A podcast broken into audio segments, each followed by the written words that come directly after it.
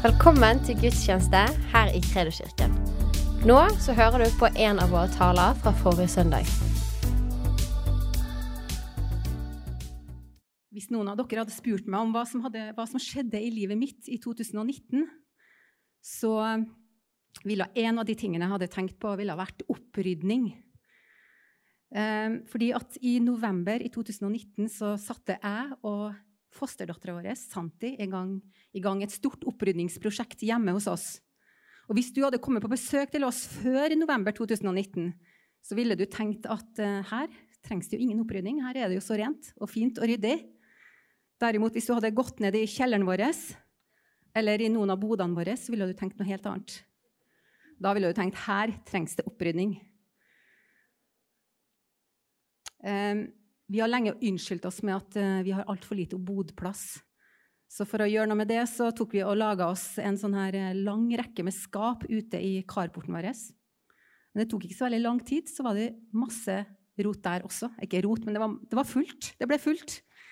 Eh, fordi at etter hvert som årene har gått, så har det bare samla seg opp mer og mer ting og tang hjemme hos oss.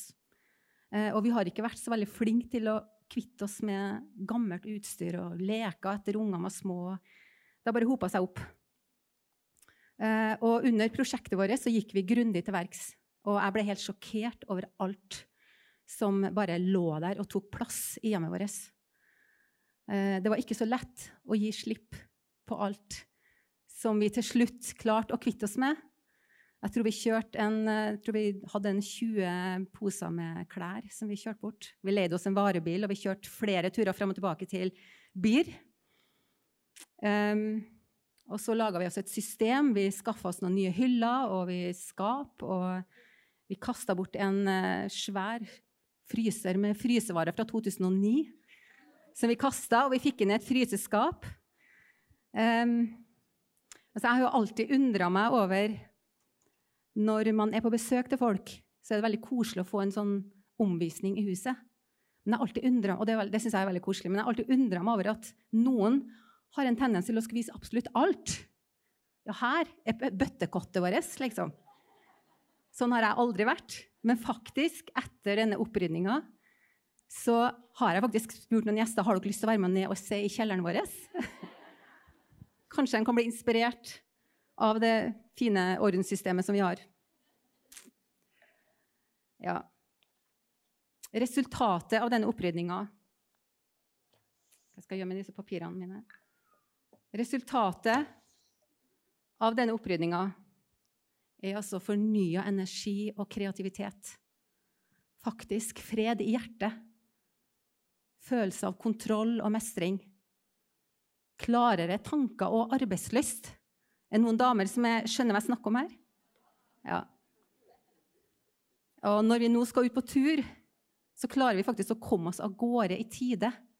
Jeg og Aron var på slalåm en tur her. Det tok ikke to timer å finne fram utstyret hvis vi i det hele tatt fant det. Um, temaet i dag er opprydning i hjemmet. Nei da. Nei, det er ikke opprydning i hjemmet. Er det noen som håper på det?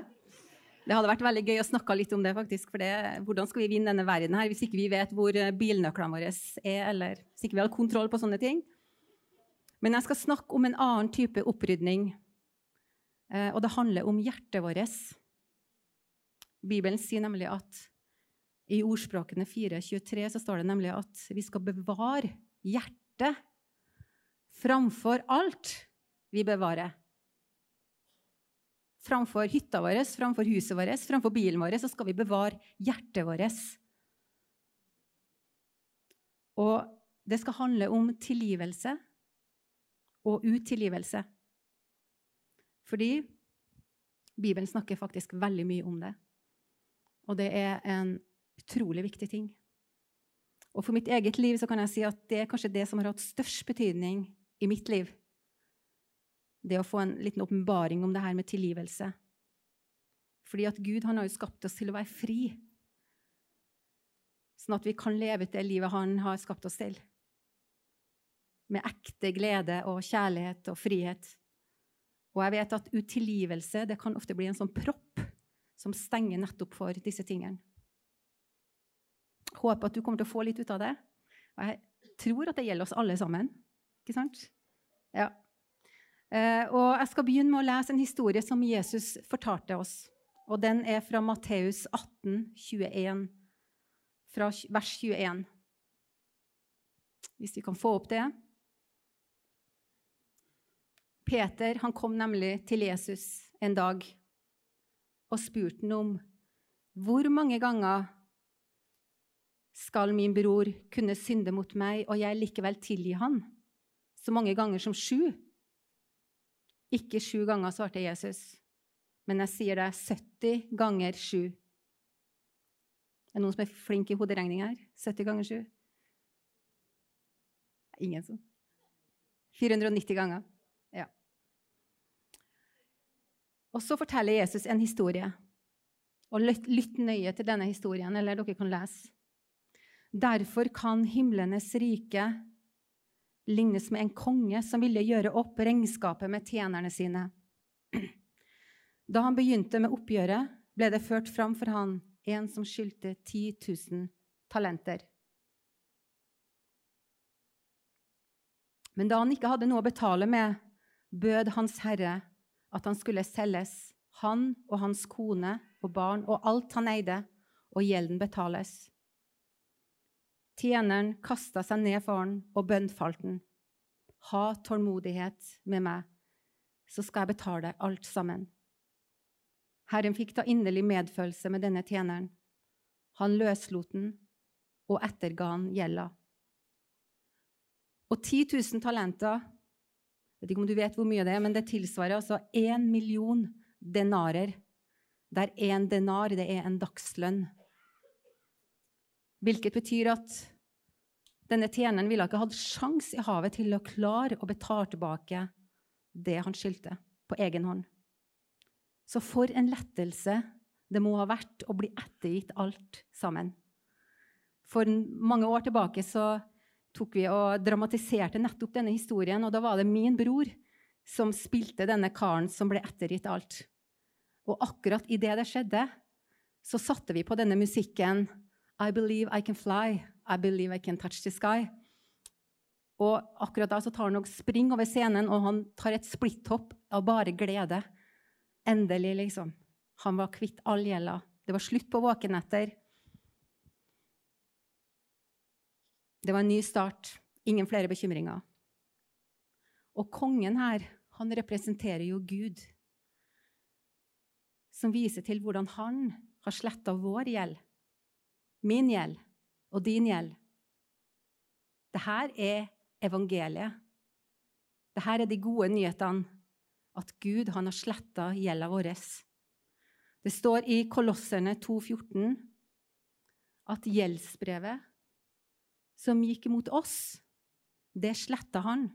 Det som var skrevet med lovbud, og han tok det bort fra oss da han nagla det til korset. Alle had, her har vi, har vi, hadde vi et gjeldsbrev som vi ikke ville ha klart å betale selv. Og det er ingen forskjell på oss. I Romerne 3.20 så står det, 3.22 så står det her at her er det ingen forskjell, for alle har syndet og mangler Guds herlighet men ufortjent, og av Hans nåde blir de kjent rettferdige, frikjøpt i Kristus Jesus. Alle har syndet. Og jeg har fått laga disse her. Er det noen som ser hva det her er? Her står det 'tilgivelse'. Du er tilgitt, står det. Noen som ser hva det er for noen ting? Ja, en stafettpinne. Og jeg hadde egentlig en plan i dag om at denne stafettpinnen skulle gå rundt i salen. Jeg har to stykker. Men så eh, satt jeg og så på nyhetene i går på CNN. Og ble bare påminnet om at det er noe som heter for koronavirus. Så jeg tror kanskje vi skal la det være. Ja. Men jeg kan få opp det bildet, som er av eh, en stafettpinne. Ja. Den her, den har vi fått ifra Gud, ikke for at vi skal beholde en selv, men for at vi skal gi den videre. Kolosserne 3,13, der står det at som Herren har tilgitt dere, skal dere tilgi hverandre. Så hva skjer hvis jeg beholder denne her pinnen for meg selv? Vi kan ta og se hva som skjedde videre med denne ettergitte tjeneren. Fordi faktisk rett etterpå så fikk denne tjeneren mulighet til å praktisere det han hadde opplevd selv. Fordi rett etterpå så møtte han en medtjener, en som skyldte han 100 denarer. Og 100 denarer det er jo ganske mye, det også, men allikevel ingenting i forhold til den gjelda som han selv nettopp hadde fått sletta. Her står det videre fra Matteus. Men da tjeneren kom ut, møtte han en av medtjenerne sine, som skyldte han 100 denarer. Han grep fatt i han, tok et strupetak på han og sa, 'Betal det du skylder.' Medtjeneren falt han ned for han, bønnfalt han og sa, 'Vær tålmodig med meg, så skal jeg betale deg.' Men han ville ikke. Tvert imot, han gikk av sted og fikk kastet han i fengsel, der han skulle sitte til han hadde betalt det han skyldte. De andre tjenerne så dette og ble bedrøvet, og de gikk og fortalte kongen hva som hadde skjedd. Da kalte Hans Herre han for seg og sa til han, Du onde tjener, hele gjelden din etterga jeg deg, fordi du ba meg om det. Burde da ikke også du ha vist barmhjertighet mot din medtjener, slik jeg viste barmhjertighet mot deg? Og Herren ble sint og overlot tjeneren til å bli mishandlet av fangevokteren til han hadde betalt hele gjelden. Så står det at slik skal også min himmelske Far gjøre med hver og en av dere som ikke av hjertet tilgir sin bror. Så hva skjer med oss når vi bevisst eller ubevisst holder noe imot noen andre, eller velger å ikke tilgi? Utilgivelse det er som et frø, som et ugressfrø, som blir planta i jorda. Og til å begynne med så ser det ikke ut som det skjer noe på overflata, men etter hvert, hvis dette frøet får bli liggende i jorda, så slår det rot. Og så vokser det opp som ugress. Og det tar livet av disse gode plantene rundt. Hebreerne 12,15 så står det at se til at ikke noen forspiller Guds nåde.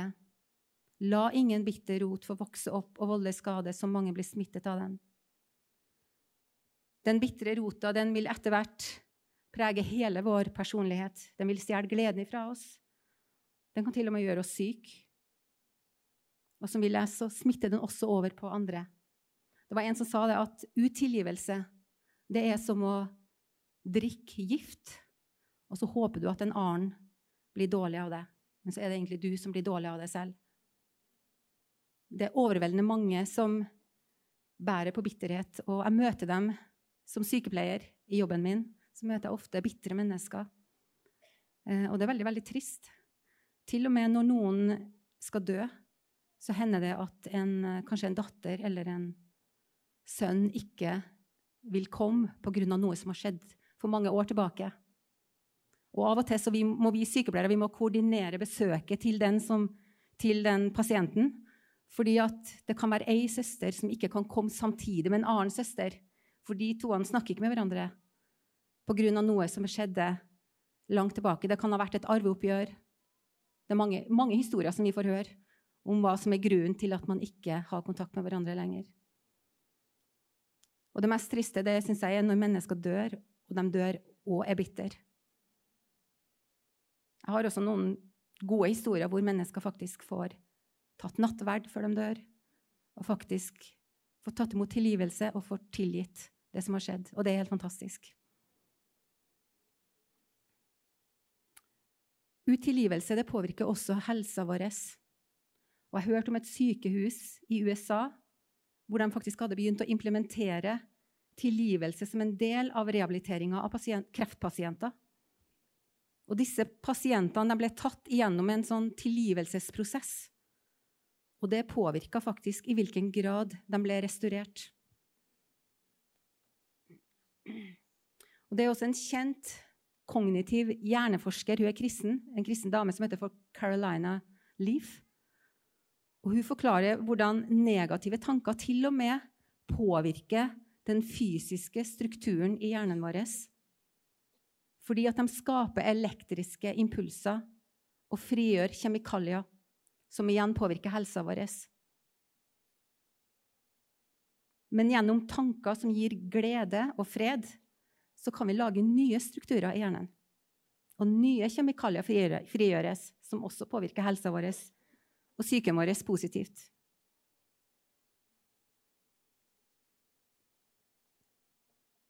Så kanskje er tilgivelse, det å tilgi, svaret på depresjon. Eller på de tunge tankene. Eller til og med på sykdomssymptomer i kroppen. Eller søvnproblemer. I hvert fall hvis du går og bærer nag imot noen og holder fast på ting, så vil det påvirke deg. Svaret er ikke alltid å komme fram til forbønn. Men i det øyeblikket du gir slipp og velger å tilgi, så blir du fri. Og For mange år siden jeg husker det var mens ungene var små, så kom det ei dame i menigheten her til meg med et bibelvers hun ville gi til meg. Hun hadde blitt mynt av Gud om å gi, gi meg. Og Vi trenger ikke å slå opp det bibelverset, men det var fra Jesaja 52. Og Der sto det noen ting om at jeg skulle riste støvet av meg, og jeg skulle innta setet, og jeg skulle gjøre meg løs om båndet som var om min hals. Og så, og så sto det til slutt du fagnes Jons datter. Ingenting å grine for.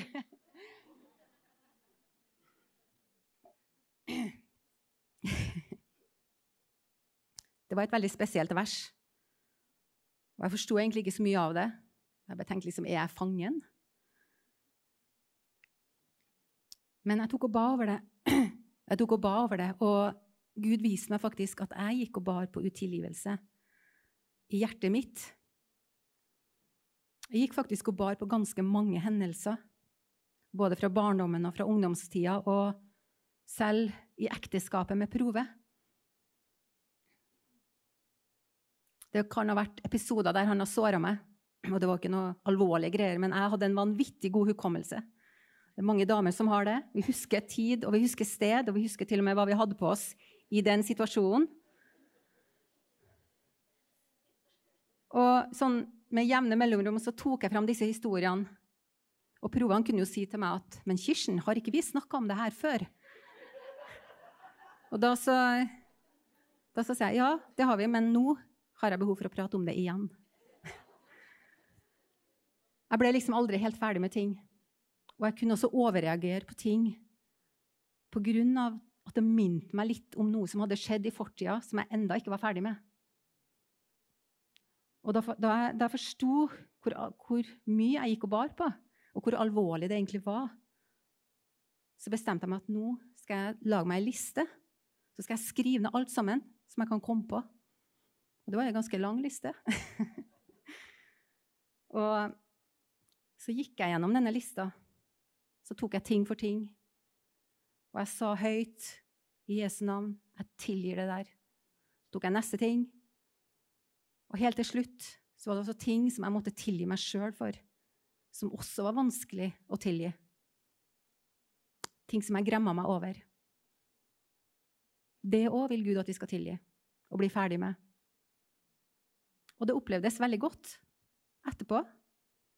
Men det tok ikke så veldig lang tid, så kom jo disse tankene tilbake på nytt igjen.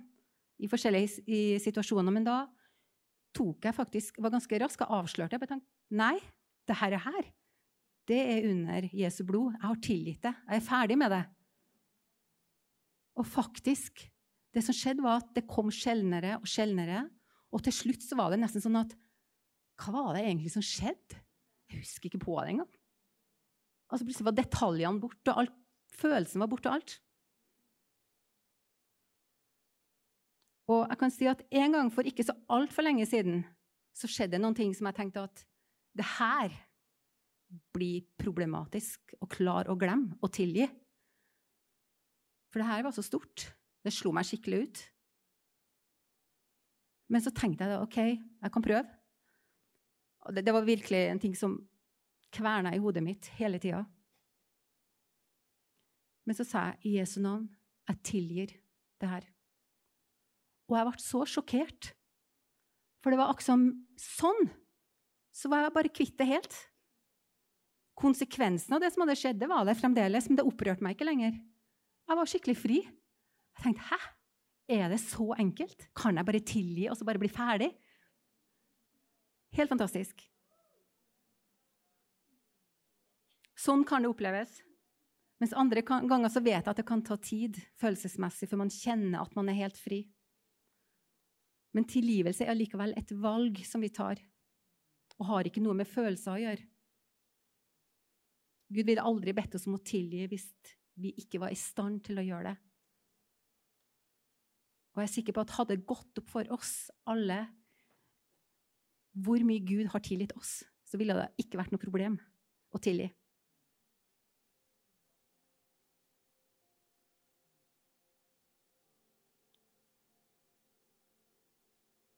Jeg er også sikker på det at alt det urettferdige som vi går gjennom i livet, eller til og med våre egne ja, våre egne feil når vi handler feil, så er jeg overbevist om at Gud kan bruke det til å få oss på et riktig spor i livet, eller til å få oss dit han vil i livet.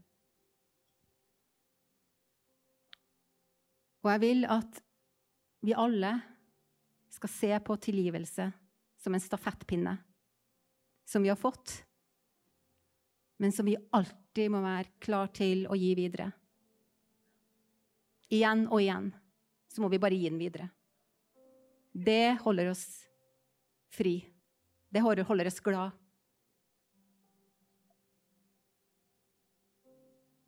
Og kanskje sitter du her og tenker på at ja, det her, jeg vet hva du snakker om. Og kanskje du tenker til og med på et menneske du trenger å tilgi. Kanskje det kan være en mor eller far eller en bror eller en søster her i salen eller noen på jobben.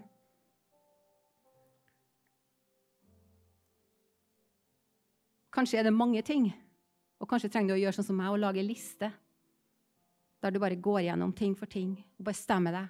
Det er ingenting som skal få være en propp i mitt liv, som stenger for det Gud gjør i mitt liv. Tusen takk for at du lyttet. Følg oss gjerne på Instagram og Facebook, og så snakkes vi neste uke.